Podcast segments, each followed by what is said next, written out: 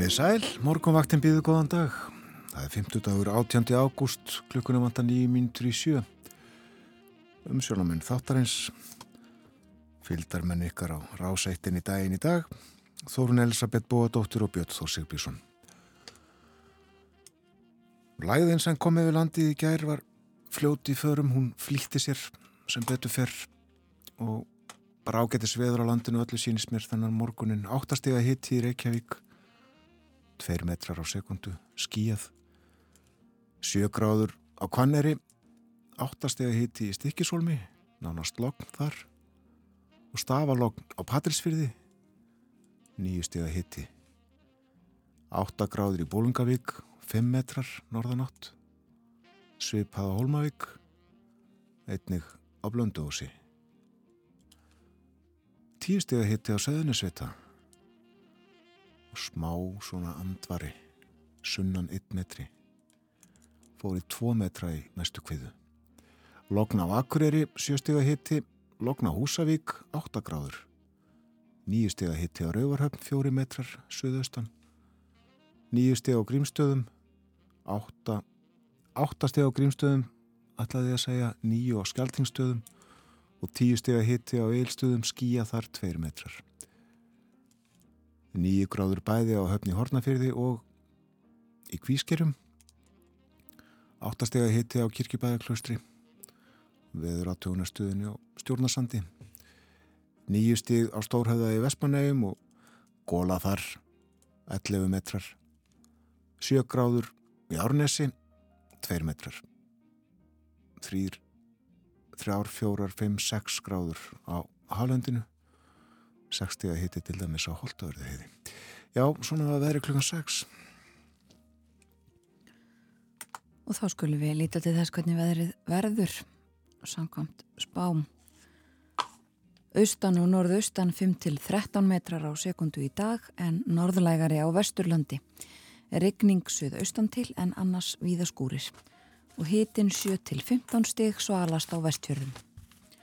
Á morgun norðlæg átt 5-10 metrar á sekundu en 10-18 um landið vestanvert undir kvöld kvassast norðvestan til.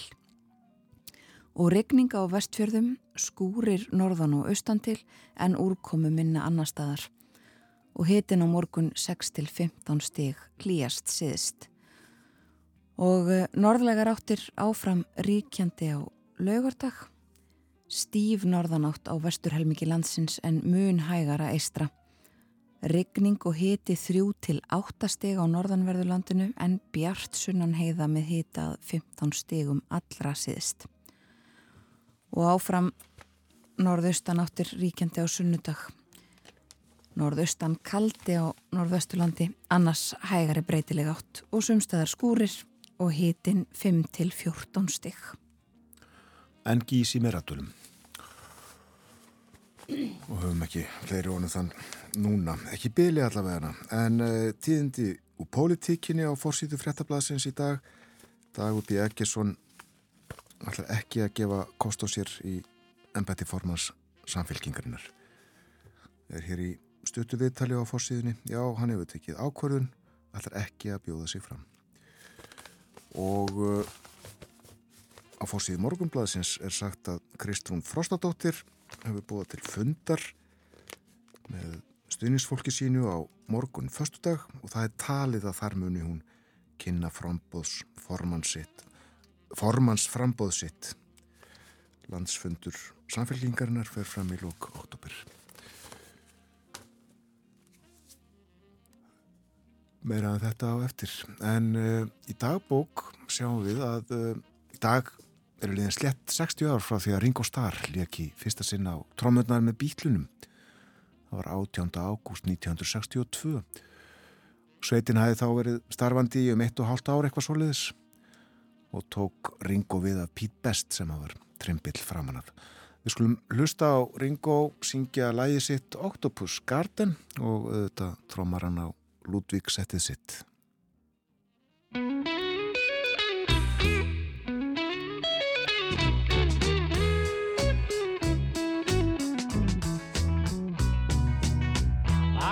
To be under the sea in an octopus's garden in the shade.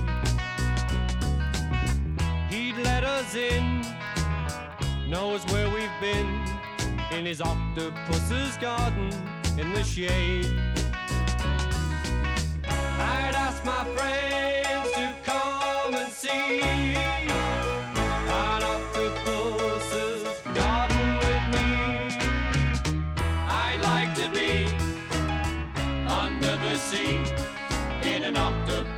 garden in the shade. We would be warm below the storm in our little hideaway beneath the waves resting our head on the seabed in an octopus's garden near a cave.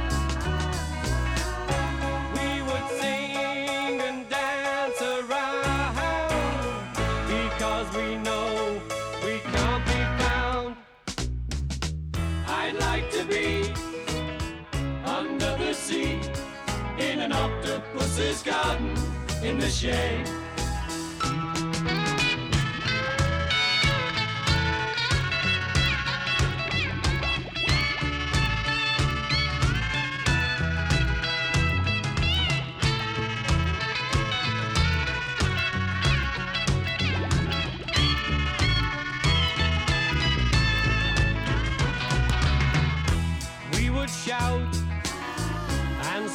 About the coral that lies beneath the waves. Oh, what joy for every girl and boy, knowing they're happy and they're safe. We would be so happy, you and me. No one there to tell us what to do. I'd like to be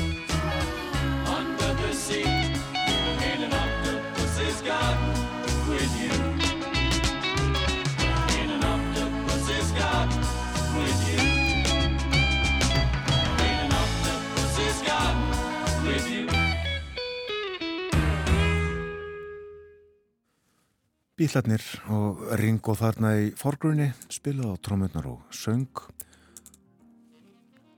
Og tilitni þess að við leikum þetta lag eh, það, að, það eru, já, akkurat 60 ár frá því að byrjaði að tromma með hljómsettinni Ringo Starr áhugaverið náungi lífsglaður því að sjá að segja.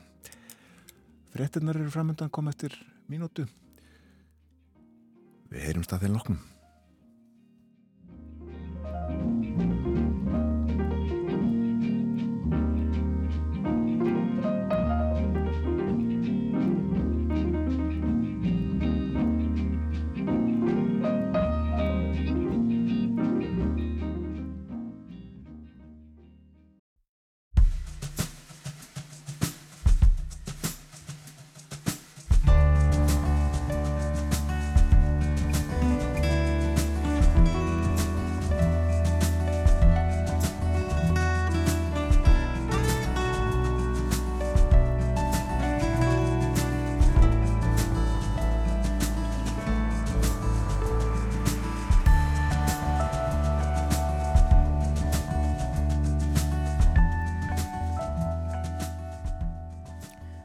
Morgumvaktin helsar og býður góðan dag. Í dag er 50 dagur 18. ágúst. Í heimskluka dagsins heyrum við meðal annars sögu af ungri sáti-arabískri konu, Sölmu al-Shahab, sem fór í frí til heimalandsins, var handtekinn og hefur nú verið dæmd í 34 ára fangelsi. Og hver var glæpurinn? Virkni á samfélagsmiðlunum Twitter. Bói Ágússon segir okkur nánar frá málinu að loknum morgunfrettum klukkan átta. Reykjavík og marathónið fer fram á lögadag, það er löngu orðin fastur liður í borgarlífinu, svona þegar allt er eðlegt og þáttakendur hlaup á þúsundum. Hlaupið var fyrst þreitt 1984 en til þess var stofnað meðal annars til að laða útlendinga til hansins. Knútur Óskarsson kom Reykjavíkur marathóninu á koppin á sínum tíma á samt fleirum. Hann kemur til okkar á eftir og rifjar þetta upp. Og talsverðar breytingar eru fyrirhugaðar á hlemmi í Reykjavík þá að loka fyrir bílaumferðum, götunar í kring og leggja stræti og tork undir gangandi og mannlíf.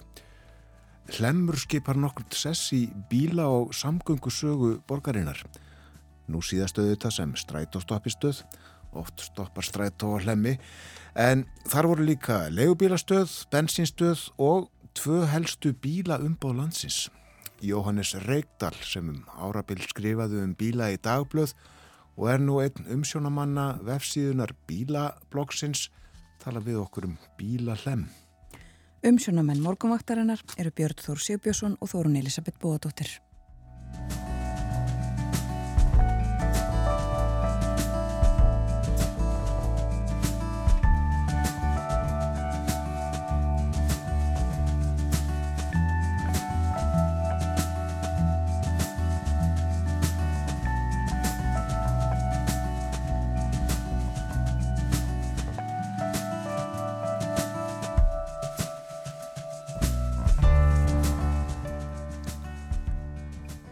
Það er ágættis vefur viðast hverjum landið í morgunsórið og uh, vindur snýst til norðlagra átta í dag.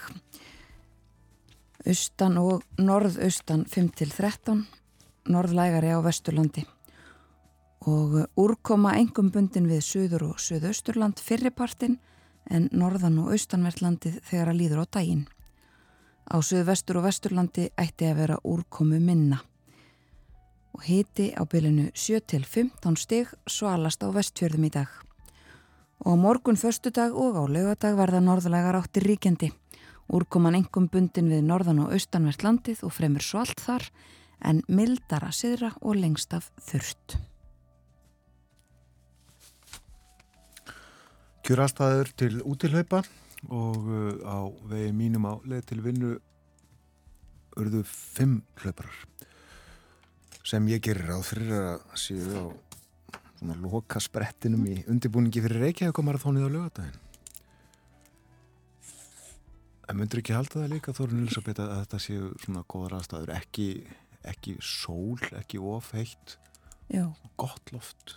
Já. Já, kyrt, já. ekki mótvindur. Akkurat.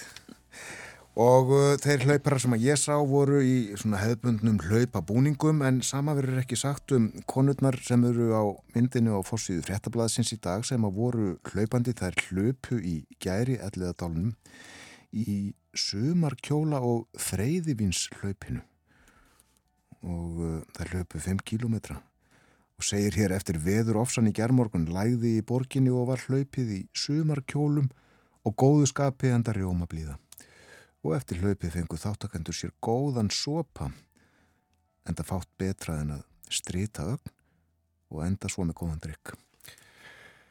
Já, það eru alls konar hlaup til. Greinilega. Einhver tíman sagði Kristján Sigurjónsson okkur frá uh, Ósta og Kampavins eða Ósta og Rauðvinslaupi emitt í Fraklandi. Þetta er svona í þeim dúr. Akkurat. Við ætlum að tala um hlaup í dag sögu Reykjavík og Marathónsins. Ég held að þetta sé veitum við hvað var ég búin að finna út þetta var 37. skipti sem að hlaupi fyrir fram núna á lögadaginn, Reykjavík og Marathónið. En uh, fyrst á hlaupi 1984 og uh, þá voru keppendur í marathóninu sjálfu um 50 eða mann rétt og 250 tóku þátt í það heila en nú er þetta fleiri, fleiri, fleiri þúsund þetta þótti svolítið skrítið þetta 1984. Eins og Knútur Óskarsson, fórsprakki hlaupsins, mun rifja upp með okkur að eftir, hann verður hér rétt upp úr halv åtta. En já, eins og við sögðum á þann, þá kemur fram á fórsíðu frettablaðsins í dag að Dagur B. Eggesson sækist ekki eftir því að verða formaður samfélkingarinnar. Lógi Einarsson hættir, gerir það á landsfundi í höst, oktober, hefur verið formaður í sex ár, minni mig og uh, því var nú spáð af einhverjum að uh, dagur myndi hugsanlega að gefa kost á sér en það gerir hann sum sér ekki. Og hann segir hér í samtali við frettablaðið Ég hef auðvitað skinnjað mikinn stuðning, fólk hefur kallað eftir nýri ríkistjórn sem er þið mynduð frá vinstri yfir á miðjuna svipaðu í Reykjavík. En ég er að hefja nýtt kjörtíðanbíl í borginni og á ekki sæti á þingi og þess vegna var langsótt að ég byði mig fram til formensku í floknum og hann segir mitt hlutverk er frekar nú að styðja við þá sem veljast til fóristu. Ég held að það skipti mjög miklu máli að samfélkingin sæki fyrri styrksinn. Og uh, svo er hann spurður hvort að til greina komið að hann gefi kost á sér til setu á alþingi í kostningunum eftir hvað, þrjú ár, er það ekki? Og hann segir það hef ég aldrei útilokkað en hef þó ekki sérstaklega stemt að því. Huguminn og hjarta hefur verið í borginni hansi lengi. Ég korki útiloka það nýje er ég með áallanir um slíkt langt fram í tíma. Og uh, við þessa frétt á fórsíðu fréttablasins talar frétt á fórsíðu morgunblasins en Kristrún Frostadóttir alþengismæður samfélkingarinnar hegst efna til fundar með stuðningsfólki sínu á förstu dag talið er að þar munu hún kynna formansframbóð sitt. Heimildir morgunblæðsins hermað fundurum verði í yðn og klukkan þrjú á förstu dags eftir mitt dag en Kristrún vildi ekkert um það segja. Ég get staðfest að það kemur tilkynning á förstu dags morgun um bóð á fund. Og uh, á fórsíðu morgunblæðsins er líka sagt frá fyrirtæki sem að heitir Good Good, Íslandst matala fyrirtæki. Var stofnað 2015 og stofnendur þrýr Garðar Stefánsson, Jóhann Ingi Kristjánsson og Agnar Lumak og hvað gerir þetta fyrirtæki? Jú, uh, það framleiðir sagt, matvæli það sem ekki er notaður sikur heldur stefja og eriþrítól og uh, frettin er sem sagt svo að uh, þetta fyrirtæki hefur náð samningi við Walmart vestlunarkæðina risastóru bandarísku. Og eru vörur gút gút komnar í 3500 vestlanir og uh, velta fyrirtækisins töfaldast í ár samkvæmt horfum og uh, munu að allum líkindum nema um 2 miljardum og það er stemt á Hagna 2025 og það er rætt við Garðar Stefánsson fórstjóra í blæðinu í dag. Og hér segir líka viðkoma rjúpunar aldrei verið lakari. Og uh, þannig er átt við Norðausturlandið. Viðkoman hefur aldrei verið lakari frá því að mælingar hófust og það var 1964. Það er náttúrufræði stofnun Ísland sem vaktar þetta og svipaða sögum að segja um útkominu á Vesturlandi. Og Ólafur K. Nílsen, fugglafræðingur, hann segir alveg ljóst að veiðin verði langt undir væntingum miða við það sem að vorstofnin gaf til kynna, en þá er mikil uppsveifla. Og endingu á fórsíðu morgunblæðsins myndin tekinn gær í reynisfjöru og uh, sagt frá því að uh, þar bæði gær og dag eru öldurnar óurlegar og óvenjulega miklar, háar, stórar, miða við ástíma, voru allt, uh, voru, já, 3,7 metrar í gær, ölduhæðinu var spáð í gær, 3,7 metrar. Og uh, spáum fyrir dag, daginn í dag 4,7 metrar næstum 5 metrar. Og uh, rætti við Einar Sveinbjörnsson viðfræðing, hann segir það hefur verið tiltölulega rólegt þarna að undarförnu en svo æsast yfirleitt leikar í sjónum undan landi þegar líður á höstið 5 metra háaröldur þetta var það helsta á síðum réttablasins og morgunblasins og þá líta stuttlega út í heim. Já, og við varum að byrja á aftenpostin. Já, byrjum í Noregi í dag. Um, á fórsju aftenpostin er umfjöllunum þessa brú um, sem að hrundi í byrjun vikunar og uh, sagt frá því að nú hafa samgöngu yfirvöld í Noregi ákveðið að uh, loka 14 öðrum brúm sem að líka eru uh, byggðar úr viði. Og mynd þar sem að verið þeirra fellatrið til þess að búa til nýjan veg vegna þess að fólk þarf ju að komast leiðarsinnar þrátt fyrir að þessum e, brúm verði lokað. Þetta er, er stóra málið á fórsíðu aftenpostin í dag og e, förum þaðan á fórsíðuna á Svenska Dagbladet í Svíþjóð. Þar eru þetta kostninga umfjöllun í algleimingi, það stittist í kostningar þar, er fara fram 11. september ef ég mann rétt.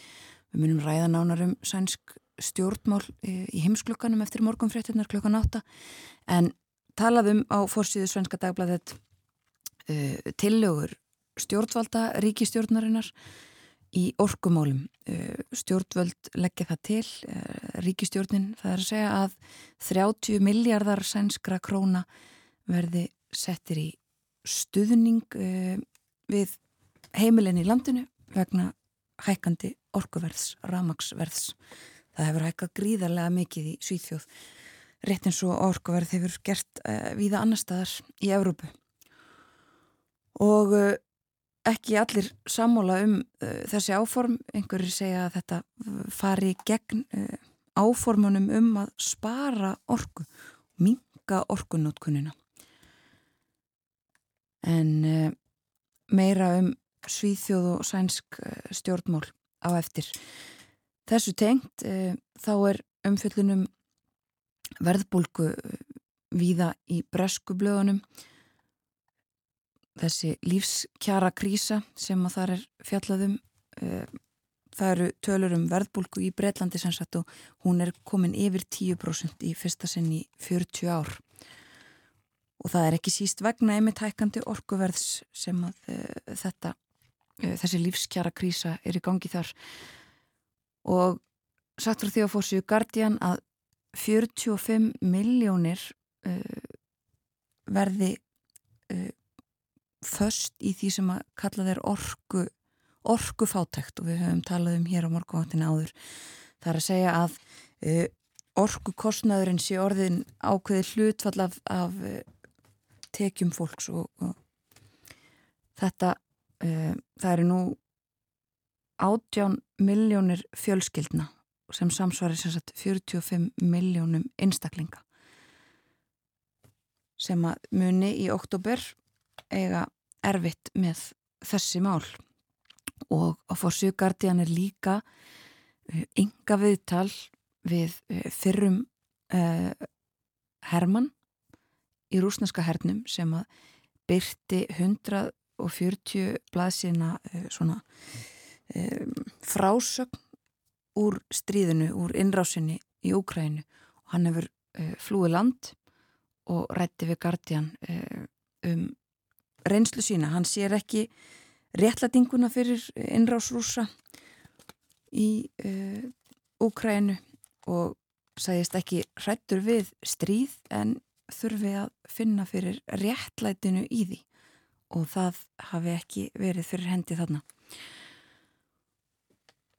Og uh, rétt stutlega til bandaríkjana á fórsíu New York Times er umfjöllunum tvent sem við nefnum.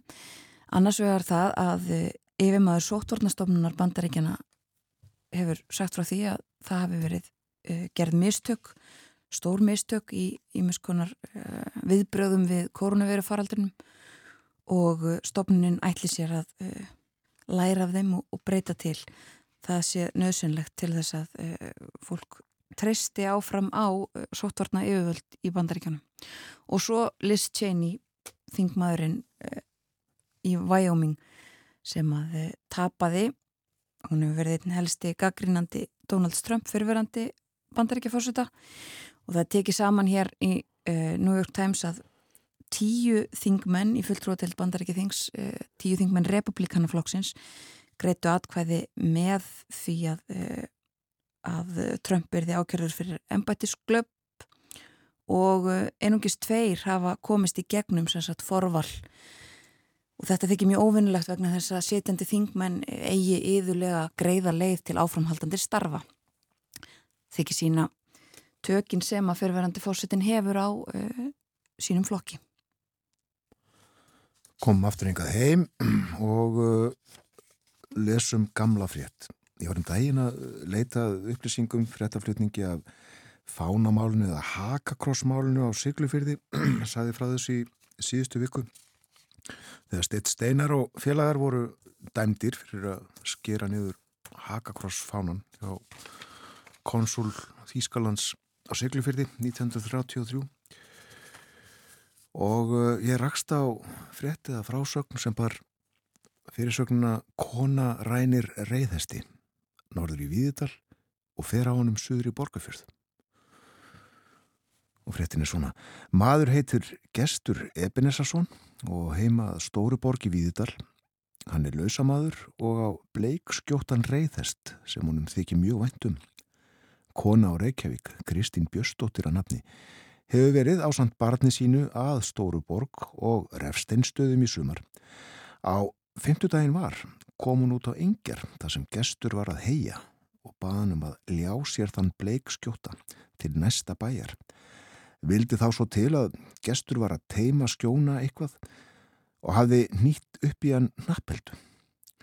Ekki vildi hann verða við bónkonnar en hún slóð þá upp á glensviðan og saði eitthvað á þá leið að líklega var ég óhætt að hún kæmi á bakonum skjóna.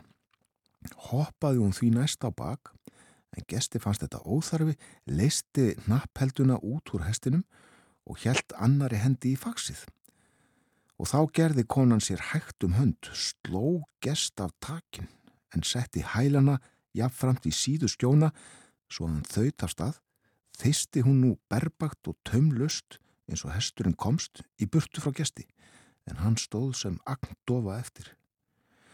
Nokkru setna kom Kristína næsta bæ, enniskoti og reið þá við inteiming, hafi nýtt beltinu af kápusinni upp í skjóna hvaðst hún hafa keift hestin og baðað lána sér reyðtíi og þau fekk hún og reið hún nú greitt eins og leiði liggur yfir miðfjörðar háls og leiðina suður. Sást það seinast til hennar sentum kvöldið að hún fór fram hjá grænumýrar tungum og hjælt suður á heiðina. Og þar af gestið að segja að hann hóf eftirfur og komst um kvöldið í postbílinn sem var á suðulið saði hann svo frá að hann byggist ekki við því að hún ná henni fyrir en suður í borgarfyrði. Þar ætti hún mákonu á einhverjum bæ. En hvort honum hefur tekist að ná henni þar og heimta hestin aftur hefur ekki frést. Bæði munuðu gestur og konan hafa farið að heiman án þess að heimafólk vissi af og var svo mikill asi á gesti að hann hljóp frá vesti sínu með úri í vasanum þar sem það lág í slæjunni. Kona rænir reyðhesti Morgunblæðið höst 1934 Jazzáttíð Reykjavík stendur enn líkur á morgun og uh, sínast vera sjö tónleikar á dasgrá Vít og breyttum borgina í dag uh, til dæmis í hádeginu í fríkirkjunni þar mun Kristján Martinsson spila og svo verða tónleikar á Hjartatorgi í Reykjavík og þar leikur uh, tríóið jazz það skipa Karl Olgesson, Jón Rapsson og Kristinn Snær Agnarsson. Það var nokkuð fjallað um hjartatorkið í daginn og uh, það sagt líflöst með öllu en djassin mun döna þar frá fjögur í dag. Og uh, á skuggabaldri við Östuvöll leikur í kvöld klukkan hálf nýju Dó Tríó og í því eru Daniel Helgason D, Óskar Kjartansson Ó og Helgi R. Heiðarsson Há. Skulum hlusta á Dótríó og lægið Samlífi.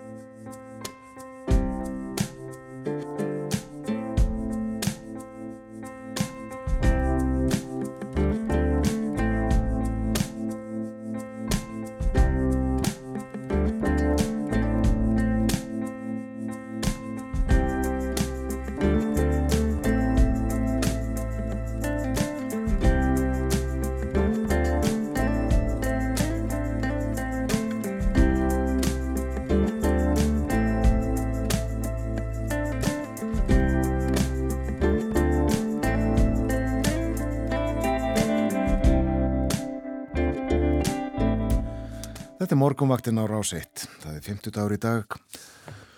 Komin 18. ágúst, klukkan réttliðilega hálf nýju. Hálf átta, hálf átta. Minni á að Bói Ágússon verði með okkur á eftir, heimsklukkin á sínum staði til morgunfrétnar og uh, milli hálf nýju og nýju þá ætlum við að tala um hlem sem í eina tíð var bíla miðstöð Íslands, getur við sagt. Þar voru, voru fyrirtæki með uh, alls konar þjónustu fyrir bifröðið eigendur meðal annars tvö helstu bíla umbó landsins sem að uh, reistu sér stór hísi þarna við hlem en miklar breytingar eru fyrirhugaðar á hlemtorki og næstan ákveðni og uh, þessa sögu ætlum við að rifja upp á eftir Jóhannes Reykdal bíla áhuga maður skrifaði um bíla í áraræðir í dagblöð og uh, skrifar ennum bíla en nú á vef sem að heitir Bílablokkið og hann skrifaði sem sagt grein um hlem, bílahlem, ef við getum sagt sem svo. Hlemur in memoriam var yfirskrift greinarinnar og Jóhannes verður með okkur á vettur og reyfir þetta upp. En uh, það er þokkalegast að veður bara á landinu öllu sínust okkur og, og spáinn bara bærilega, er það ekki Þorun? Jú, held að mig segja það. Það er uh, austan og norðaustanátt í dag. 5-13 metrar á sekundu en norðlægari vindur á Vesturlandi og ryggning engum bundin við söður og söðausturland fyrripartin en svo norðan og austanvertlandi þeirra líður á daginn. Það ætti að vera úrkomu minna á söðvestur og vesturlandi og hitin á bylinu 8 til 15 stygg svalast á vestfjörðum og eh, veðrið ágætt næstu daga líka. Morgun og lögadag verða norðlegar áttir ríkjandi úrkoma engum bundin við norðan og austanvertlandið fremur svo allt þar en það verður mildara siðra og lengst af þurft og hitin breytist lítið eh, að við sjáum næstu daga.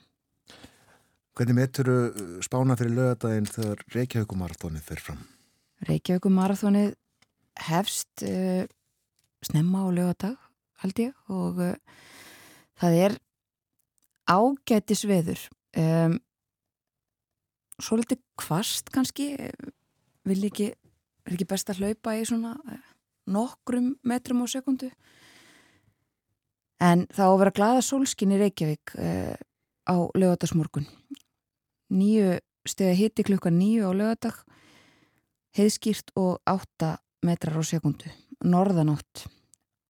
Og uh, hlínar eftir því sem liður á daginn en það verður svona já uh, bara ágættis viður en ég er enginn sérfræðingur í hlaupaveðri. Nei, skal nú tekið fram að hvort okkar hefur hlaupið marathón og við höfum ekki hundsvit á þessu. En það hefur Knútur Óskarsson viðmyrandi okkar hér næstu mínútur gert. Hann kom að því að koma Reykjavík marathónu á koppin á sínum tíma, það var 1984 sem það var fyrst haldið. Velkomin til okkar. Takk, takk. Kanski allra fyrst að þessari veðurspá. Er hún góð fyrir hlaupara? Já, hún er góð. Eins og er sko Vindurinn alltaf óvinnur hlauparans en, og sólinn í sjálfum sér en besta veðrið finnst mér, það er lokn og smá úði. Þú vilt úða, já. Já, raka, já, pínu. Já. En þetta er flott fyrir, fyrir krakkana, það eru krakkalhaup hann meðan daginn og þá er þetta flott. Já. Og áhörundur, það er þurft og sól. Já, akkurat.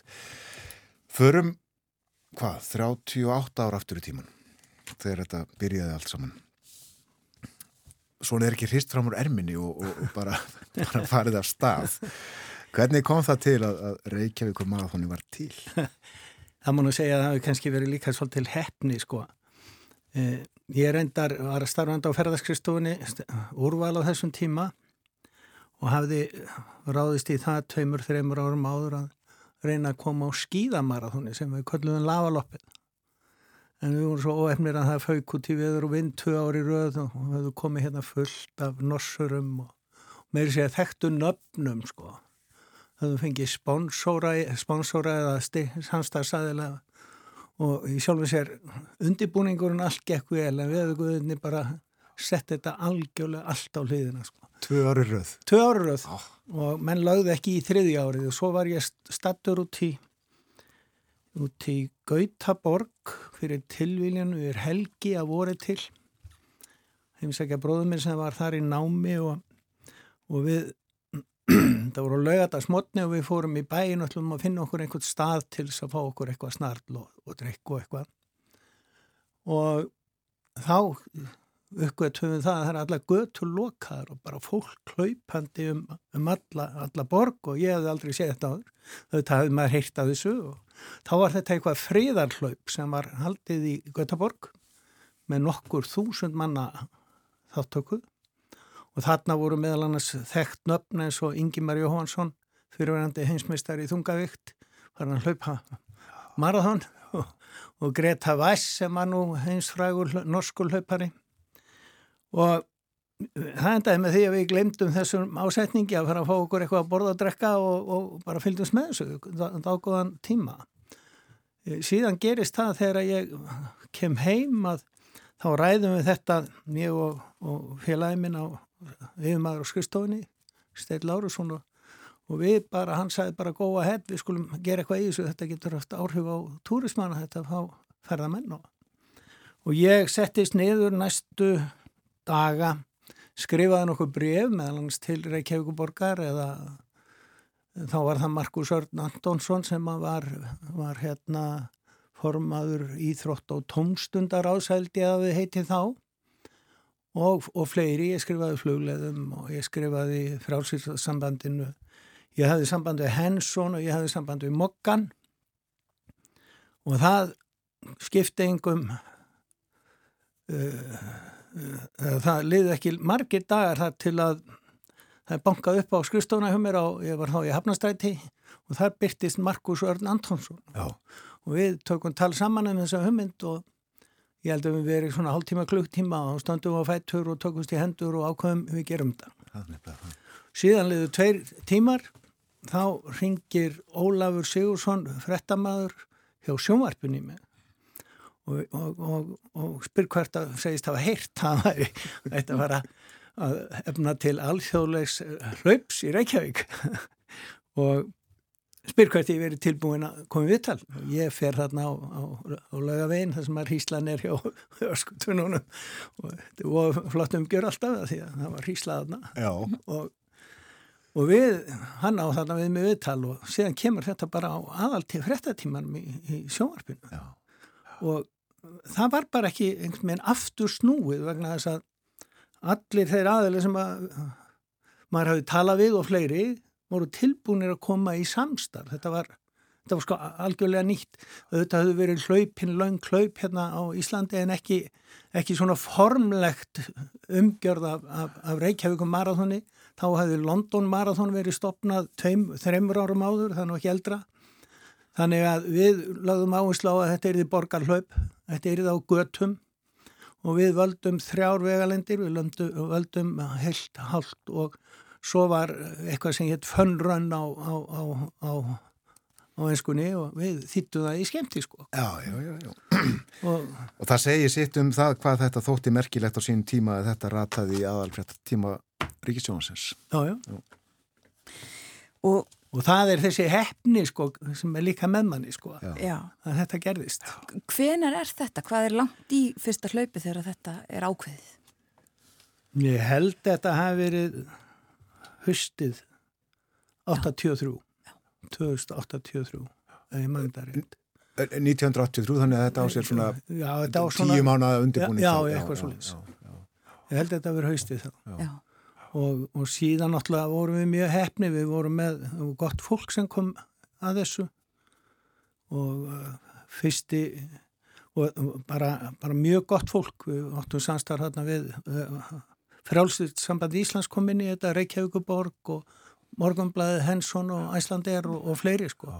En hvaðin er sem sagt uh, að fá útlendinga til Íslands? E, það, það var svona upphaldið hvaðin, já, já. já. Sjálfur var ég, hafði ég alltaf verið í einhverju smá sporti sko. Já. Og, en ekki hlaupi mikið en ég tók nú alltaf þátt í einhverju þarna, sjö, sjö kilometrum með skemmti sko ekki. Já. Og fór svo seinna að hlaupa hálft en, en upphaldið hvaðin var það. Sá. Og gekk það? Já, já það, sko, þá var það verið sko um, um 250 manns gráðir í fyrsta hlaupið þá var það á þeim tíma stæðst íþróttaviðbörður á Íslandi og ég man ekki hvað, hvort þú voru 50 úrlætingar eða eitthvað svo leiðis, nei, voru miklu fleiri. 70, 80 og, og síðan bara svona það fór mjög hægt af stað. Þetta gerði ekkit meir en svona að vera tekjur og gjöld stóðust eiginlega á sko, það var ekki, ekki mikið tap en við þurftum mjög fljótt að fara að ráða fólk, að ráða mann til þess að vera svona sjáum þetta og, og það var við, það var svolítið erfitt en leið og fjöldin kom og við náðum í almílega samstagsæðila, ég tala um samstagsæðila þá, þá er ég að tala um, um sponsora sem er, er, eru kallaði svo þurfum að sletti en, en og leið og, og raunverulega þegar við náðum samstarfi fyrst við gamla hérna, Íslandsbanka sem breyttist þær í glitni og síðan í, í Íslandsbanka aftur. En það voru svona þessi stóru það skipti svo, svolítið sköpum fyrir Íslandinga þegar við náðum þessari kynningu. Já ég glemdi því við vorum í samstarfi Rás 2 já. alveg fyrst árið sem hún var stofnuð. Við erum ekki stofnuð 80 2-3 já Þorgir Ástálsson var hérna og, og við vorum í samstarfi við þá. Þetta skiptir allt saman máli. Alltaf. Sko, í dag er það þannig að, að ef maður hittir fimm manns að þá hafa tveir hlaupi marathón og eitt kannski enn lengra hlaup. En það var ekki þannig þá. Hlaupabilgjan, hún var ekki farin af stað.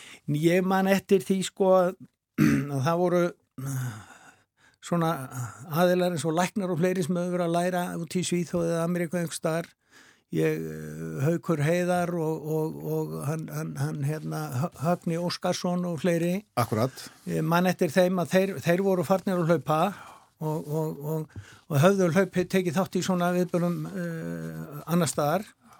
En það þótti svolítið skrítið að fara í, vera ég vel í stuttbögg sem út á fullori fólk út á hlaup á þessum tíma. Já Högni var einmitt í, í viðtalið þetta 1984 í aðdraðandal höfsins og fyrirsögnum var skil leiðinlegu hugsanirnar eftir úti á götu. Já, það er svolítið gaman að þessu að hann segir þetta vegna þess að, að ég, mér fannst alltaf eins og þegar ég fór út á, ég er nú hættur því núna, fór út á hlaupa bara í hátegi eða eitthvað, saman hversu langt það var. Það var eins og að maður, maður, maður hafði hlaupið gott hlaup, langt það var, ef þú fannst allt í enn og þú varst búin að gleima algjörlega sjálfu þér og fann að hugsa einhverja hugsanir og fá hugmyndir sem þú sem þau óraði ekki eins og fyrir áværir og, og bestu hugmyndina sem maður fekk í því sem maður var að gera var einmitt í, í þessar aðstæð bara algjörlega slökunnin og þú glimtir þér. Já, gera skóðir hlutir á hlaupum. Er það aðdraftaraflið við hlaup? Nú, í dag er þetta, væri þetta kannski kallað núvitund að gleyma sér svona í, já, já, já, á hlaupum. Ég veit það ekki sko, það er nú sagt sko að þeir sem er að hlaupa langt sko og er alveg sásaukinni mikill, svo er það svo kallað endorfín sem að fer út í blóðið og, og breytir hugsunni strax út búin. Þú gleymir öllu þessu erfiða og bara þetta góða og, og, og þið líður vel. Mm. En þetta verður að passa upp á að þú sért í almeinlegum skóm þú sért að drekka ná og næra þig og allt þetta mm og, og þróun er búin að vera alveg gífurlega mikil. Já, og þetta er mikil fræði, gefnar út heilu bækunar og bóka flokkarnir um hlaup, já, já. hvernig maður á að bera sig að. Já, já, og heilu, heilu, heilu sko fjölmila fyrirtækin sem að starfa, svo Rönnes og Völd og fleiri sem er búin að starfa í ára ræðir. Já. En sko, þetta, þú talar um þessi fyrstu ára sem voru kannski nokkur hundru hlauparar, hvenar er það sem þetta svona fer svolítið að springa út? Já, nú þarf ég nú að hugsa eins um sko 93 held ég að þá verður svolítið stökk. Og svo er það svona þetta heldur svolítið, mest var þetta ef mann rétt 2014 þá voru 5.600 mann skráðir í þetta hlaup. Um, síðan hefur það haldið svolítið, náttúrulega COVID er núna búið að vera það hefur ekki verið haldið í tvö ár. Og, og mér, mér skils sko að það sé ágæti skráning en þetta fer hægar á stað að því að eins og allir flesti viðbörðu núna eftir COVID, hvort að fólk er mikið af herðalögum eða hvað en, en mér sýnist þetta að stefna í góða þáttöku hér en þetta var svona ákveðin stígandi og fór hægt af stað og svo, síðan kom ákveði stökki þetta og svo svona hægt áfram og svo þegar við, þegar að, við gerðum samning við Íslandsbanka nú er þetta Íslandsbanka að þá var tekið mjög myndarlega á, á, á styrtamálunum og síðan settum við og stopn þetta hérna, hlaupið til góðs Þessi áheit, já. já. já. Og, og það var, við lágum yfir því svolítið hvað við ættum að, að kalla þetta og, og við fundum nafni hlaupastyrkur sem hefur algjörlega hitt í gegn. Þannig eru tvö, tvö nýjirði uh, skemmti skokk og hlaupastyrkur sem var algjörlega komið bara í gegnum marathónu. Þetta er gott mál. Sástu það fyrir einhvern tíman þarna áranum kringur 1984 að þetta yrði þessi stóri viðburður myndi bara leggja ég segi ekki allt þjóðlífið undir sig en, en setja þennan stóra svip á borgarlífið Ég datt um breyf sem ég hafi skrifað til formans frjálsvitsambansins 83 og þar saði ég svona til þess að að reyna að hafa mótveran og sem þurfti nú kannski ekki mikið en vegna þess að hann hafi strax áhugað, það var Örn Eðsson hétt hann í þá dag sem var formaður og, og þar lagði ég áslá að ég sagði þetta þannig að þetta getur verið aðal, aðal fjáröflun fyrir íþróttastarfið hvað það hefur orðið hjá Íþróttbandalagi Reykjavíkur sem síðan tók þetta yfir og, og þetta hefur skipt alveg gífurlega máli fyrir Íþróttastarfið Reykjavík. Já. Það er ekki spurning sko.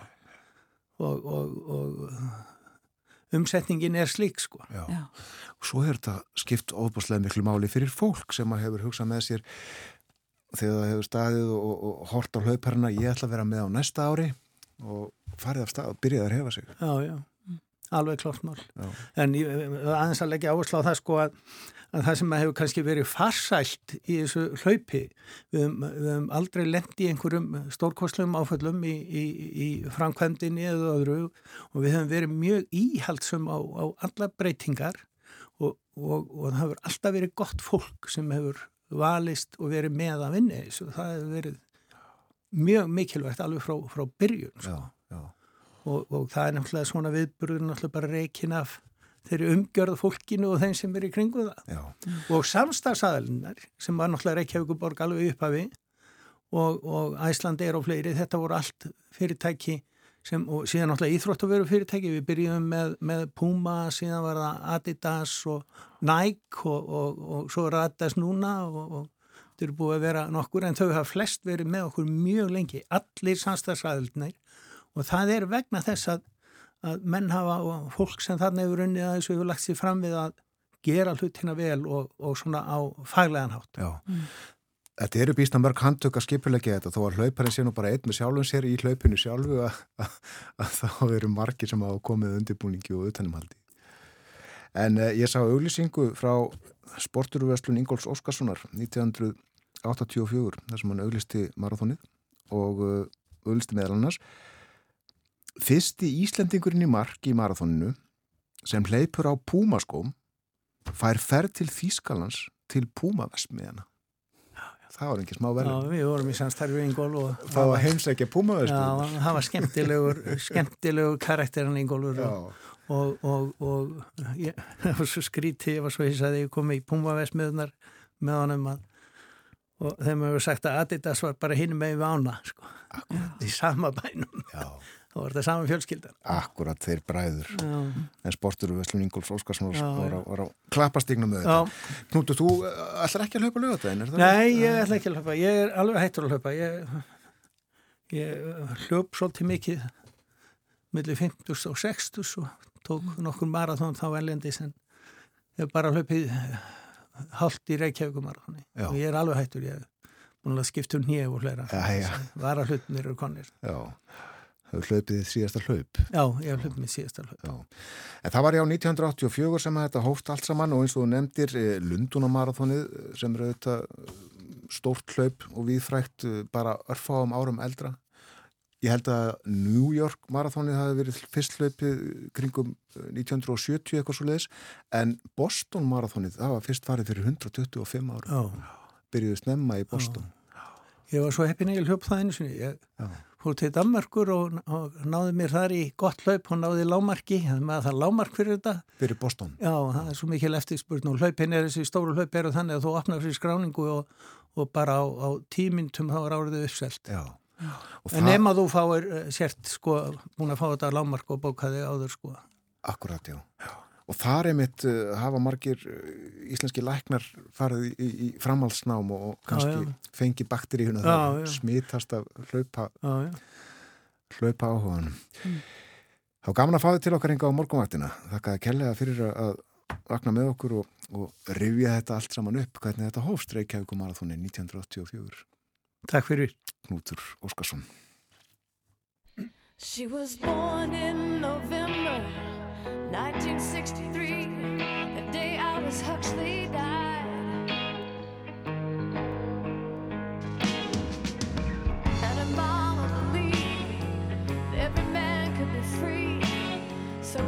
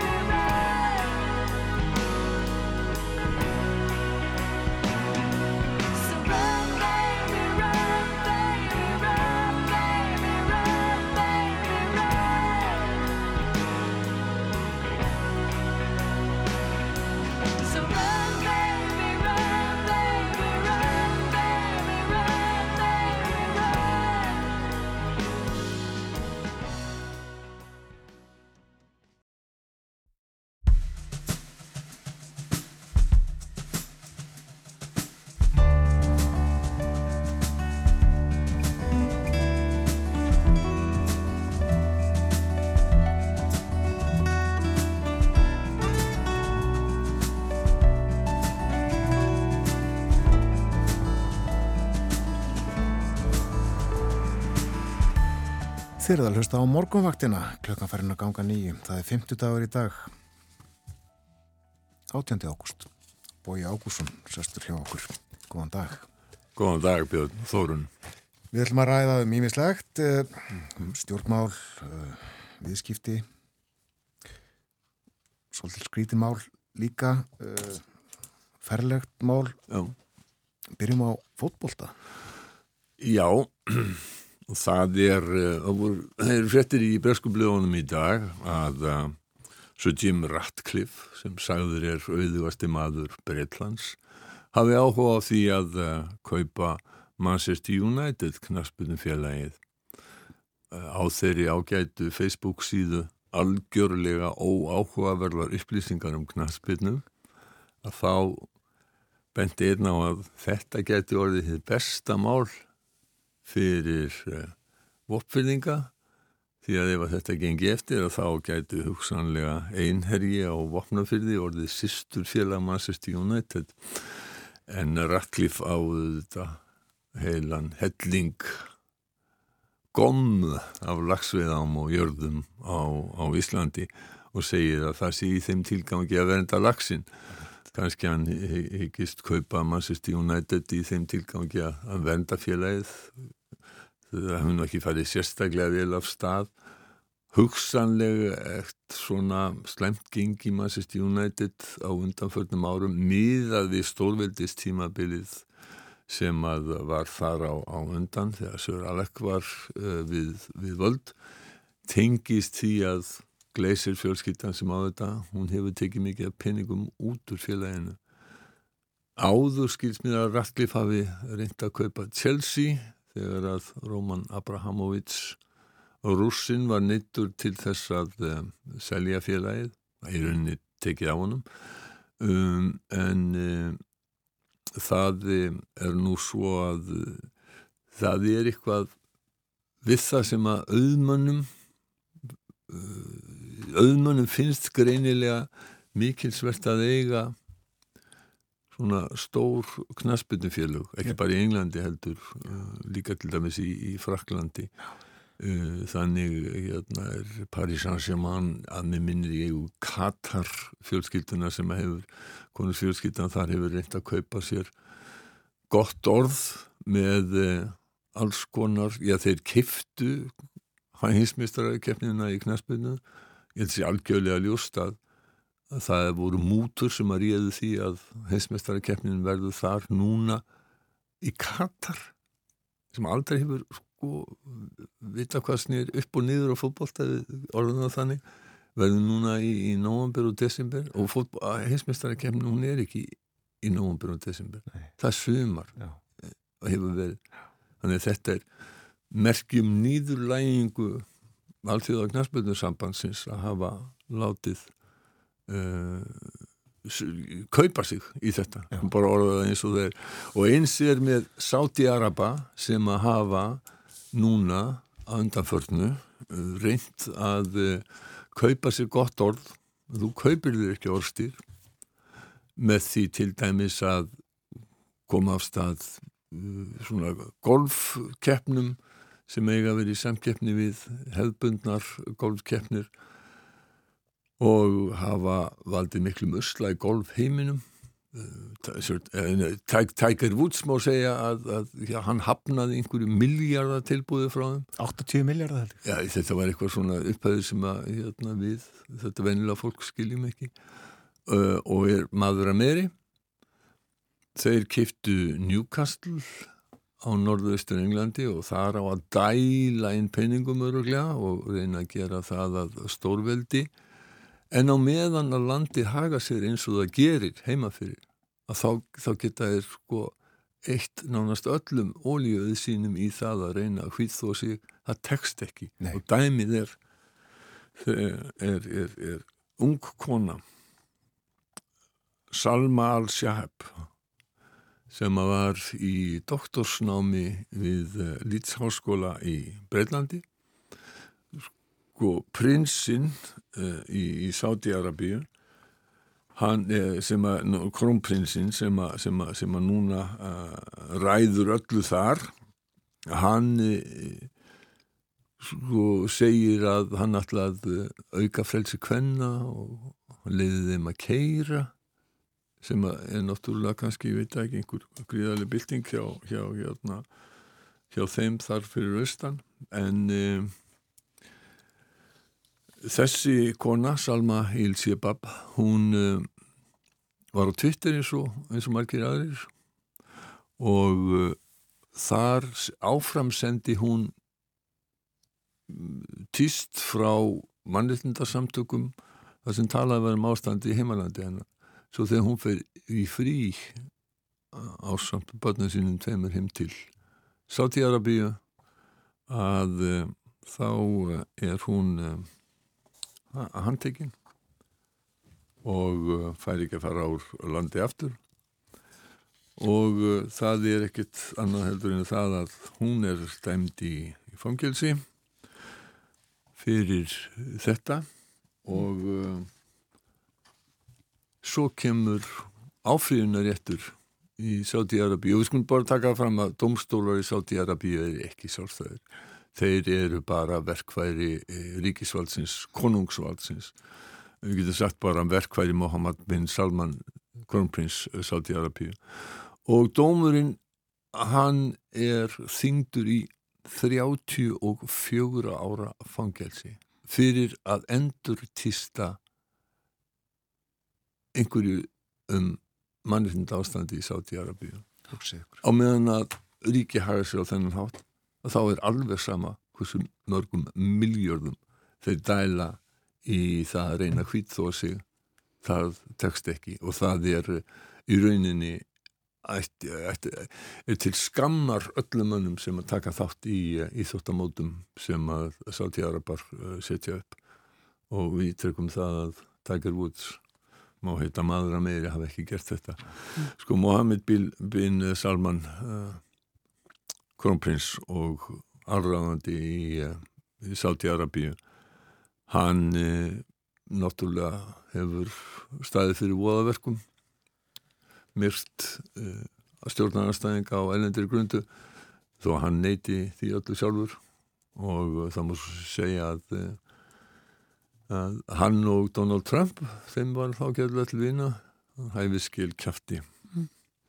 Joe Biden bandar ekki fórseti nú líka aðeins verða að lappa upp á samskiptin þarna við Sáti Araba Já, já, það er akkurat ólíuður Sáti Araba sem að réði því að hann eh, fór þangað eiginlega fíluför til þess að reyna að fá Sáti Araba til þess að eh, dæla meira af ólíu til þess að lækka orkuverð í þeirri miklu krísu, orkuverðskrísu og orkukrísu sem að heimurinn er í akkurat núna í augnablikinu. Já. Þetta er skjálfrætt mál og eh, dæmi um mitt slemt ástand mála í Sáti-Arabíu um, eigum við að færa okkur frá Sáti-Arabíu uh, til Európu, til Svíþjóðar Já. í stjórnmólinn. Já, við skulum gera það. Það eru 24 dagar þángar til að korsið verður í um, Svíþjóð 11. september ganga sig allir kostninga og það er allt útlýtt fyrir að kostningan og það er núna verið mjög spennandi Aftónblæði byrstir í dag nýja konun demoskóp og það má vartum á milli sjá á milli hægri og vinstri blokkana í Svíþjóð en það sem að gerst hefur líka er það að þessi blokk þessar blokkir það hafa riðilegast náttúrulega. Fyrst alveg þegar Svíþjóðdemokraterni koma inn í þetta og verða það öflugir. Upphaflega vill engin vinna með þeim en nú hefur það breyst og mótiratana sem er stærsti hægri flokkurinn og kristdemokraterni eru til í að vinna með þeim. Eh, en eh, miðflokkurinn, senterinn, eh, er það alls ekki. Og það getur valdið erfileikum við myndun hægri stjórnar Svíþjóðdemokrátarnir vilja í ríkistjórn öfugt við þá í Danmörku þessi að Dansk Folkeparti, Danska þjóðaflokkin sem aldrei fóru í ríkistjórn og, og, sennilega úr þessu fara aldrei í ríkistjórn vegna þess að sáflokkur vilist alltaf að þurkast út mm. Inge Stauberg og Danmerkur demokraterni vilast alltaf taka algjörlega yfir uh, fylgi og, og, og mér er samkvæmt lista sem að Inge Stolberg kynnti í gær af væntanlegum þingmönnum eða þingmannsefnum, þeim sem verði frambúðið fyrir flokkin, að þá eru þar á lista margir fyrirverandi ráðamenni í danska þjóðaflokknum uh, en, uh, en uh, þetta er svona smá útudur en í Svíþjóð er það þannig að Anni Löf uh, leiðtói miðflokksins, Senten hún gaf út yfirlýsingu fyrir vikunni þar sem að hún sagði að hún myndi frekar vilja styðja uh, kratana Magdalenu Andersson áfram sem í, í, í ríkistjórn og Magdalenu Andersson sem fórsættis á þar heldur en Ulf Kristersson sem að er leiðtói moderatina Já. og þetta eru nokkuð tíðindi í sænskum stjórnmálum og flækja stöðuna nokkuð þannig að uh, ég er eiginlega hugsa að lofa ykkur því að, að, að næstu tvö skiptin sem ég kem hinga til ykkar í heimslugan og þá höldum við áfram að fjalla aðeins um sænsk stjórnmál og kannski fara aðeins um, dýpra uh, ofan í þau og gera þau svona meginmáli. Já, en uh, staðan þarna er, er mjög spennandi.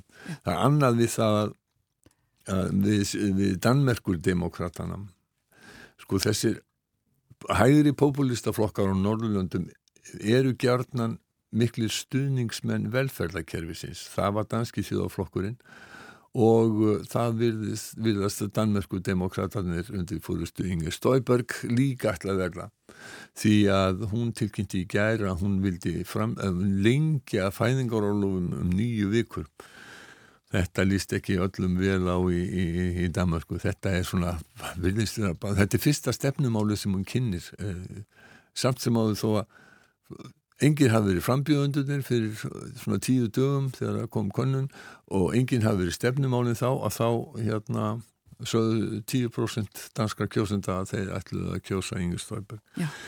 Já. hún er náttúrulega kannski ekki, ekki óþekkt stærð Hún er fólk ekki þykist óþekkt vita stærð, fyrir en- hvað hún stendur Já, já, já, já, hún, hún, hún stendur aðalega fyrir það að vera algjörlega gegn innflutningi e, e, fólks e, til Danmarkur, Já. fólksflutningu til Danmarkur sko og, og, e, og lendi í fangelsi eða sem sett fekk dóm út af, út af því. Já. Aðeins örlítið um Breitland, þar eru frambjöð, það virðist nú vera nokkuð deginn ráðið að Liz Truss verður eh, næsti fórsættis á þeirra Breitlands samkvæmt könnunum að þá hefur hún uh, talsvert miklu meira fylgi heldur en uh, Rishi Sunak. Og það er samt sem áður talsvöldu tíma það, það, það er ekki fyrir í byrjun september sem að verður ljóst hvort þeirra hefur unni því að nú eru félagar í halsflokknum að greiða atkvæðum við það sko en ég sem er að benda á það að það er kannski ekkert sniður fyrir íhalsflokkin að eh, Liz Truss verði fórsættis á þeirra vegna þess að meðal almennings, hún er mjög vinsæl meðal uh, flokksmanna íhalsflokknum en meðal almennings að þá er hún það ekki, þar nýtur Rissi Súnak meiri stuðnings heldur en hún. Já. og uh, síðan hafa verið sko hjaðninga við í íhalsflokknum sem hefa bara eftir að koma anstæðingum þeirra verkamannaflokknum, skorska þjóðaflokknum, frjálslendum, demokratum til góða þegar að kosið verður í Englandi sem að verður sennilega já, eftir uh, rúm tvö ár. Og uh, þá gætu ýmsar yfirlýsingar sem hafa fallið núna komið í bakkið á þeim. Og það hefur rifjað upp til dæmis að Liz Truss sagði fyrir einhverjum árum og það er til hljóðupptökur af því sem hafa verið spilaði núna í rauninni að, að bres, bretar væru latir Já. og þeir, þeir, þeir væru miklu latari við vinnu heldur en, heldur en aðra þjóðir. Þetta er sagt í samhengi við hlut sem er algjörlega fullkomlega réttur og það er það að framliðin í Breitlandi er minni heldur en hún er já, við, til dæmis í Þískalandi eh, nema í Lundunum. Uh, þar er hún svona þar er framliðin jafn mikil og, og, og uh, annar staðar um, en uh, þetta er sem sagt já, nokkurn veginn ráðið að því að, að, því að, að, að, því að virðist vera Já, en kemur endanlega ljós í byrjun september, er það ekki 5. september? Jú, 5. september var tilkynna þetta Já. Já, Ef við að ljúka heimsklukkanum þessa vikuna á já, minning, minningu um menn. minningum en já, ég hérna mér finnst eftir svona í lokin að minnast, á, minnast tvekja manna með einu lagi. Og þetta eru Elvis Presley og þíski leikstjónun Wolfgang Pettersen hann lést í vikunni og, og uh, það voru í fyrra dag 45 ár frá því að, að, að Presley og Wolfgang Pettersen gerði meðal annars myndirnar Neverending Story, Enemy Mine In the Line of Fire, Outbreak Air Force One uh, The Perfect Storm Tróju uh, og uh, Poseidon. Um, uppáhaldsmynd mín eftir Wolfgang Pettersen er Das Boot, kafbáturinn sem er verulega áhrifamikil mynd úr kafbátahernaði þjóðvýra í síðari hinsturöldinni. Hann gerði hana sko 1900, upp úr 1980 en þetta er orðið nokkuð gummul mynd. Ja. Tónlist í myndinni, hún er mögnuð, hún er eftir Klaus Stoldinger, saxofónleikara og tónskald. Aðalstefið er dramatist, dulafullt og okkveikjandi eh, og það er eftir hennan Stoldinger. Skulum heyra smá bút af því.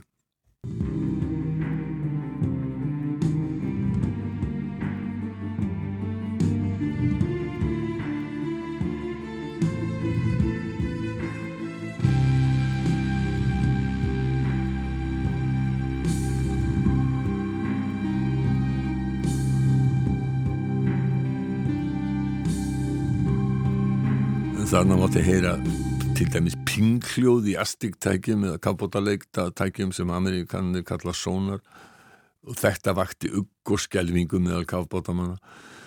Sko, Pettersen notaði einni í þetta spót þjóðlag frá Svabenni í Suðvestu Þískalandi, Mussi Den og um, uh, tekstin er á svabískri þýsku, Mussi Den, Mussi Den som sted til hinn ás. Verð ég þá, verð ég þá að fara og, og skilja þið eftir. Und du mein Schatz bleibst hér. Þetta lag var það var mjög vinsælt að syngja meðal þeirra sem voru að fara í leiðangra og ferðalög og ekki síst meðal sjómanna bæði í köpskipaflótanum og herrflótanum þess vegna er það notað í, í, í, í dagsbót og þetta er meðal þekktustu uh, lag, þjóðlaga sem hafa komið frá Þískanandi það er til í mjög mörgum útgáðum Marlene Dietrich, Mirel Mathieu og Nana Muscuri hafa fluttið þetta og þekktasta útgáðan í ennskumælandi heiminum er einmitt með Elvis Presley. Þar heitir það Wooden Heart, hann söng þetta í kvikmyndinni G.I. Blues 1960 um bandaríska hermenn í Þískalandi. Presley var einmitt uh, í hernum í Þískalandi þegar hann gengdi tveggjára herskildu frá 1958 til 1960 og hann syngur með sér part af þessu lægi á Þísku og uh, þetta fór í fyrsta sæti og við á misaldaristum ef við ekki að minnast þessar að tvekja ágætu manna með því að hlusta á presleiði syngja Wooden Heart Skulum gera það. Takk fyrir spjallið þessa vikuna, Bói Ágússon.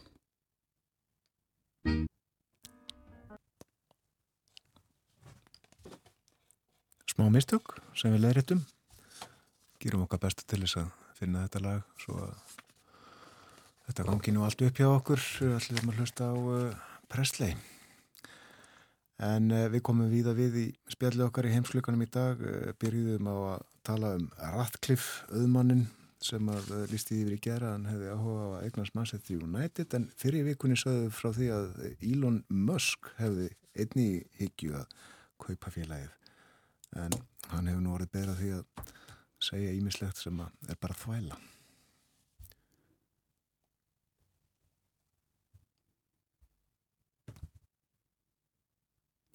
Já, það er eitthvað mistök hérna og, og tregða í tölvukjárfunum hjá okkur í Verðum þá ekki bara í því tilfelli þó að þessi er búin að kvæða mig og sitt ég hér enn að spila þetta eftir uh, frétta yfirlítið klukkana hálf nýju. Ég held við getum ekki gert annað en það. Uh, hlustundur verða að fá að heyra þetta. Þó að það verði síðar. Kæra þakkir fyrir spjallið í dag Bói Ákusson Já, takk sem liðis og við sjáumst aftur í næstu viku og tölum þá meðal annars um Svíþjóð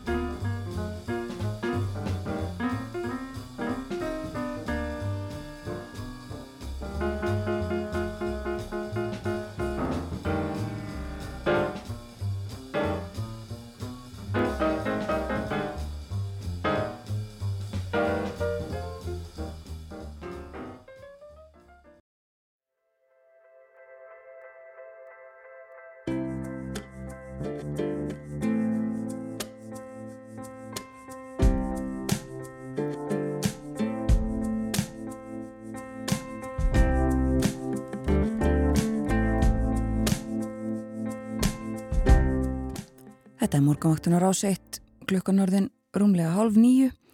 Það er 50 dagur í dag 18. ágúst og hér fyrir frettæfilitið var hjá okkur Bói Ágússon. Settist við heimsklukkan og uh, í lók spjalls okkar ætlum við að spila lag við uh, myndumst tveggja manna Elvis Presley og uh, leikstjórans Wolfgang Petersen og Petersen. Við ætlum að hlusta á lagið sem okkur tókst ekki að spila fyrir fréttaðifilitið. Þetta er meðal þekktustu þjóðlega þjóðverja en uh, er í hennum önskumælandi heimi þekktast með Presley. Wooten Heart heitir það með honum. Hlustum á það.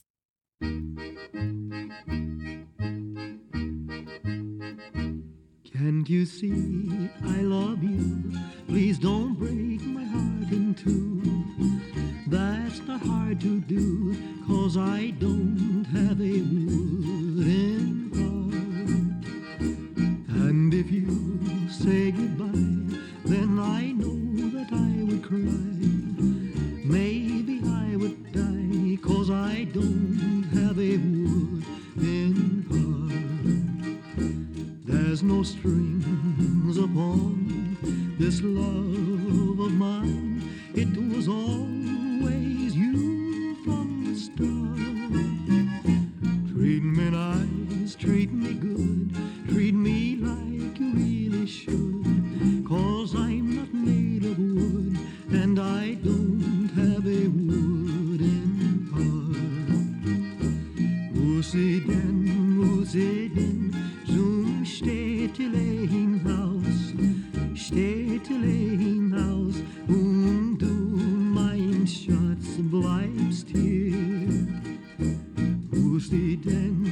seten, zo'n stedelijk.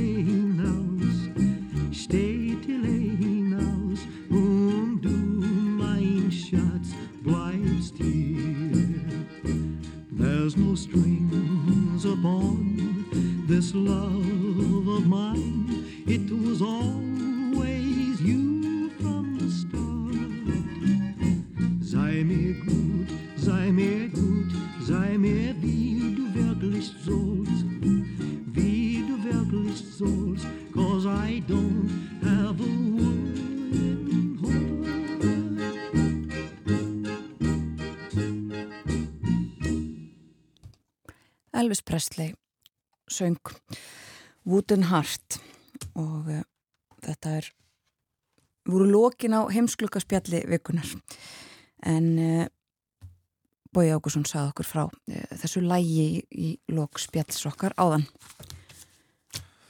Oft stoppa strætó á hlemmi, segir máltækið. En einhvern tíma kemur að því að síðasti vagnin stoppi á hlemmi. Þá ráðast mikla breytingar á hlemmi, leggja af umferð bíla, storra sem smára og gera hlemm og nærlegjandi götur, gangstéttir og bílastæði að einu stóru torki. Og tölumyndum að dæma þá verður þar jafnan talsverður mannfjöldi í sífældu sumri. En svo var tíðin og svo tíð var löng að ef borgarbúa vantaði eitthvað sem að tengdist bílum þá fóru þeir á hlem.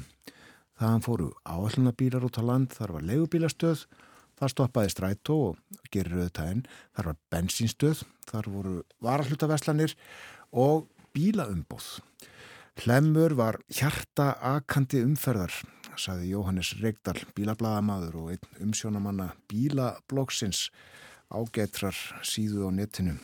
Hann skrifaði greinum þetta og uh, hún bar yfirskriftina Hlemmur in Memoria og Jóhannes er komin á morgunvaktina við ætlum að fara yfir bílasöguna við Hlemm, velkomin til okkar Takk fyrir. Já, þarna voru þessi stóru umboð tvö í stórhísum sem að frumkvöðlarnir reistu og það er ekki víst og alveg eðlilegt að fólk kannski átti sig ekki á þessu, á þessu í, í dag sem að þarna kemur. Nei, það er mjög skiljanlega fólk skiljið það ekki alveg vegna þess að segar að bílaöld ekki á Íslandi þá var Reykjavík ekki svo stóra borg sem hún er í dag, heldur miklu minni bær og þá voru mörg, raunverulega Reykjavíkur mörguðust af uh, ringbröð og snorrabröð.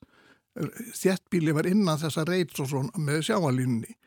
Þannig að þegar að bíla viðgerðir og annað fór í ganga þá voru menn alltaf með skúra og eitthvað annað jafnvel nýri við lækjatorg þegar þetta byrjaði allra fyrst síðan færði menn sig ofar í, í eh, bænum og þegar við tölum um byrjun bílaaldar þá koma tvö nöfn fyrst upp í hugan. Það er Egil Viljánsson sem að uh, fór einna fyrstu manna til útlanda og lærði byggilegvirkjun og til bandaríkjum og kom tilbaka og, og setti upp sitt fyrirtæki, byrjaði nýra á Grettisgötu og þegar voru að þrengjast að þara þá fekk hann lóð hjá borginni, þannig við hotni og rauðar og stígólega við, sem að þá var bara út í sveit, voru beljur bara hinnum með götuna og hann byggði upp sitt stórísi þarna með bílavestæðum, vestlunum og öðru og raunverulega í framhaldinu var eigin miklu stórtækar því hann byggði upp alla göturlínuna frá Rauðrástíg og alveg nýra Snorabrönd. Öll húsin á þeirri línu, alveg nýra hopnað sem tringastofnum var lengi, þetta er allt hús sem Egil Viljánsson byggði á sínum tíma. Rækkaði með sér vestlun Egilskjöra tímafélag, þannig hann, hann var með starfsemi meira menn í allir þessari lengju.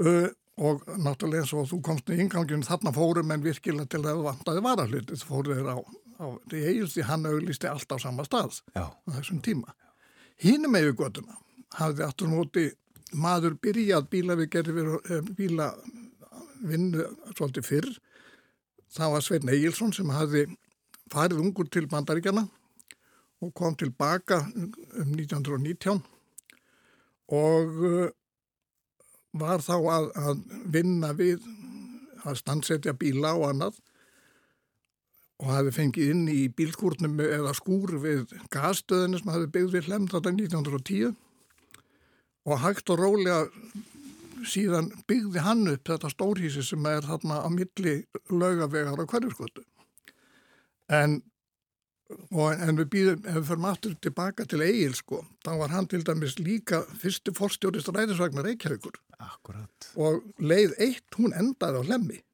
þessum tíma. Þannig að, að, þannig að tengslinn við bílana voru miklu meiri þarna.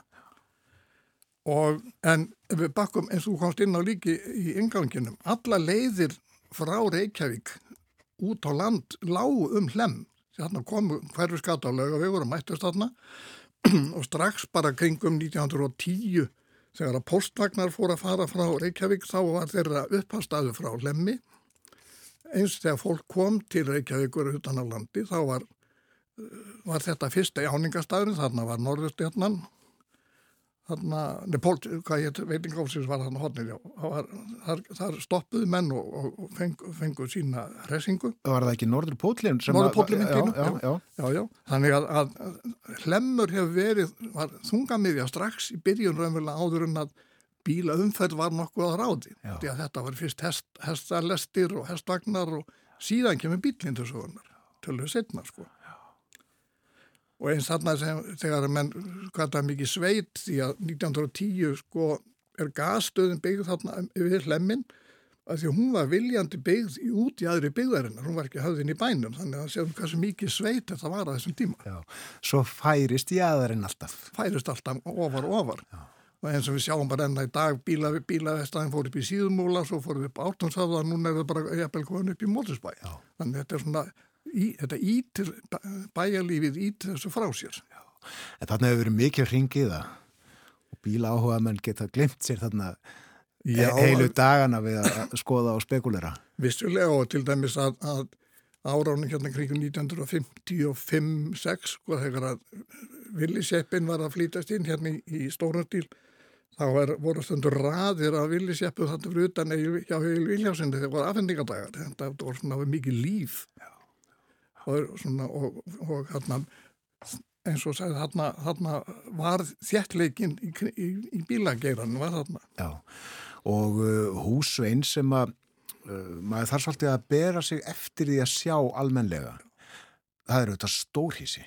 Já, það er svona sem vel á Manhattan bara á sín tíma. Vegna þess að, að þetta hús er byggt í Art Nouveau stílnum, eins og maður sér í öllum stórborgum í kringum okkur, stór áberandi hús í þessum stíl og það er nú eitt af því jákvæða sem ég sé við breytinguna hlemmi núna við getum haft misjálf að skoðanir á borgarlínu og allir því, en með því að búa til þetta stóra torg fyrir framann, þá fær þetta hús langsins að njóta sín, alveg til fölst það eru mjög fallegar art núvó línur í því Já. og maður getur farin nýra Manhattan í, í New York og við höfum séð hús með nákvæmlega sömu útlínum sko. Þetta er auðvitað eh, á þeim tíma þar sem að bílarnir eru býstan merkilegir en þá og þeir eru glæsilegir auðvitað.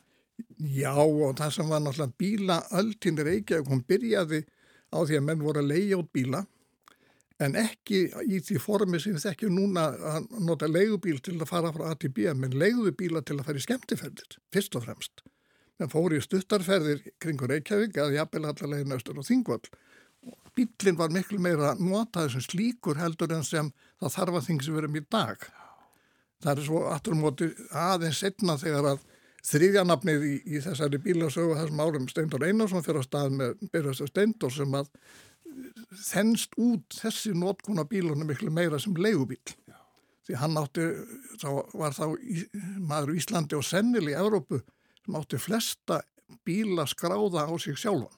Já. Það var eiginlega engin annar einstaklingur sem átti jafnmarga bíla í, í Európa þessum tíma að talið er.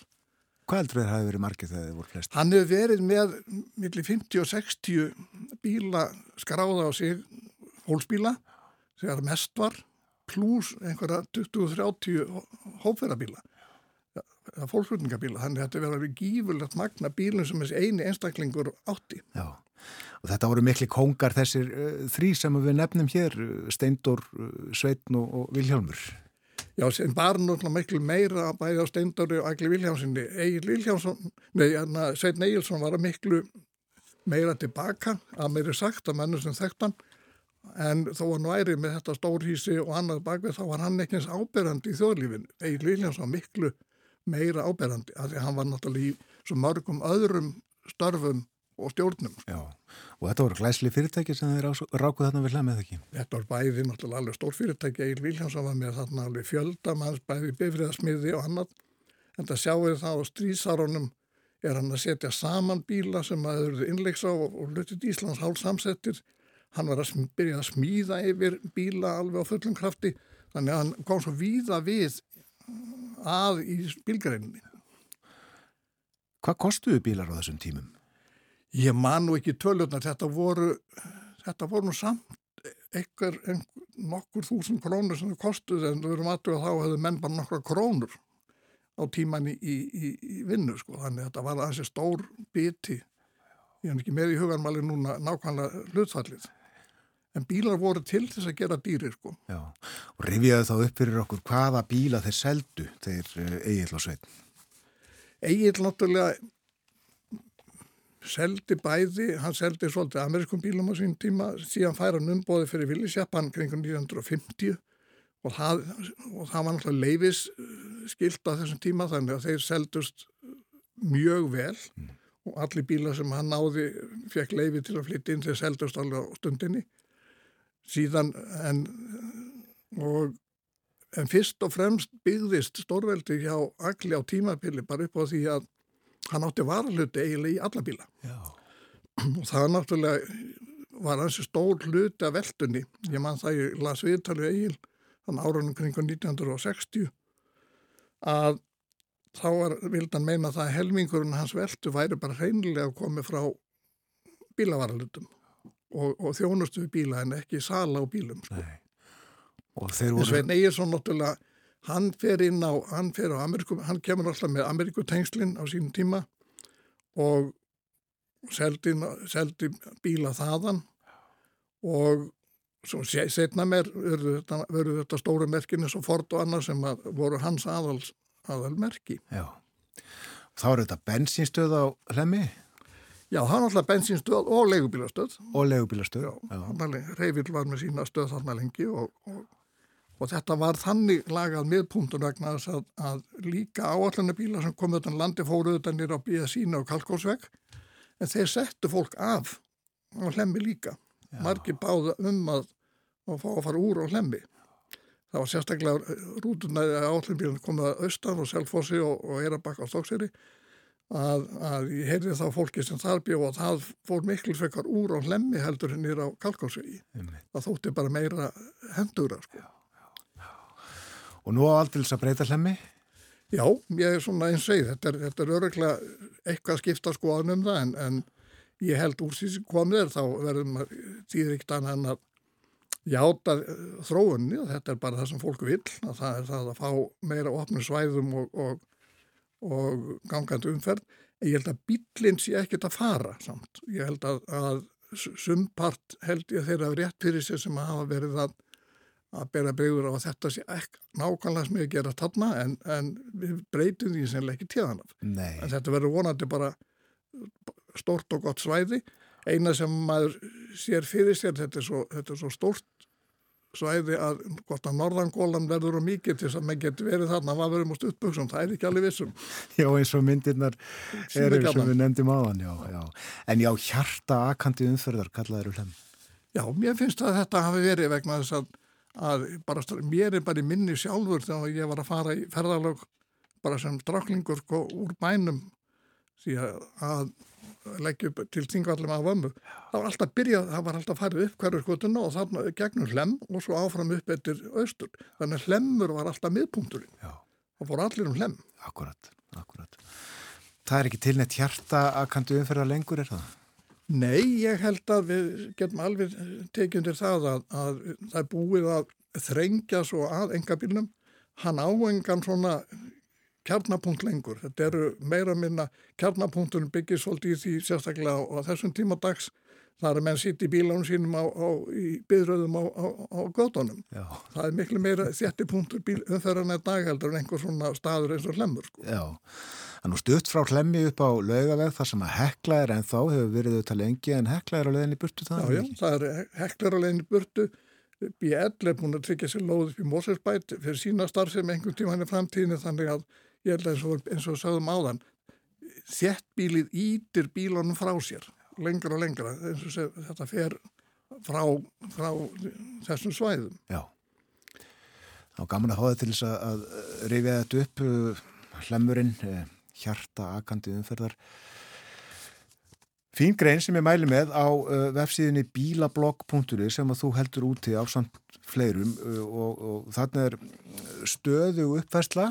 Uh, þeir setið inn margar greinar Já, við reynum að setja inn, inn þrjár, þrjár fjóra greinar á dag.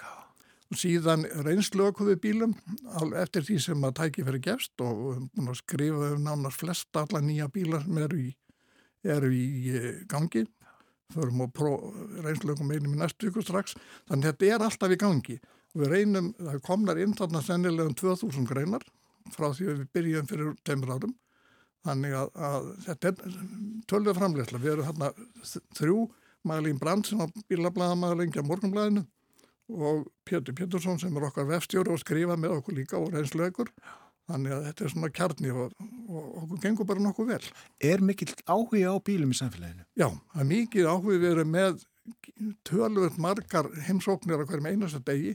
Þetta eru svona 20-30 þúsund heimsóknir inn á greinarnar á mánuði og stundum meira og lestíminn, það sem við erum alla, mjög ánægast með að það er að mæla lestíma hvað margir er inn að lesa og hann er mjög langur, menn við klára greinarnar. Já. Það er okkur mjög, finnst okkur mjög tröstækjandi að skrifa eitthvað sem við vitum að fólk er að lesa. Já.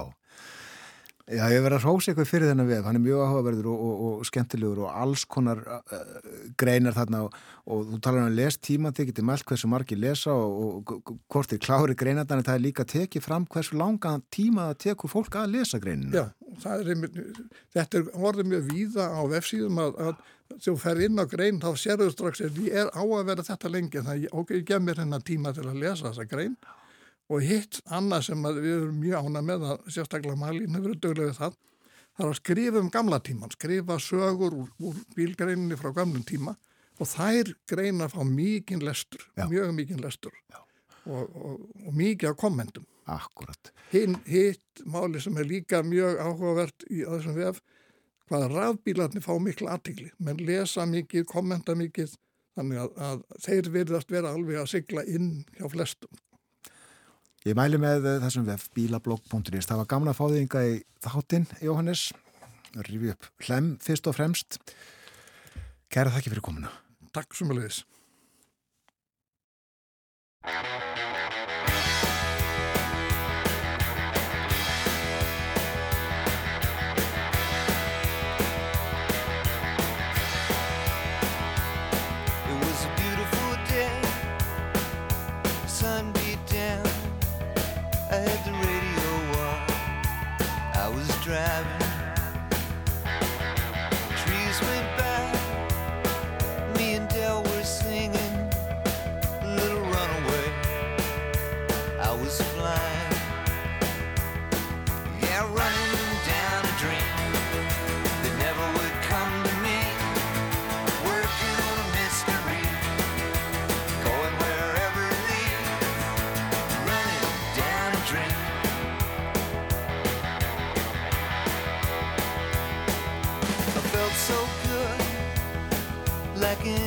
Was possible. Hit cruise control and rub my eyes. The last three days, and the rain was unstoppable. It was always cold, no sunshine.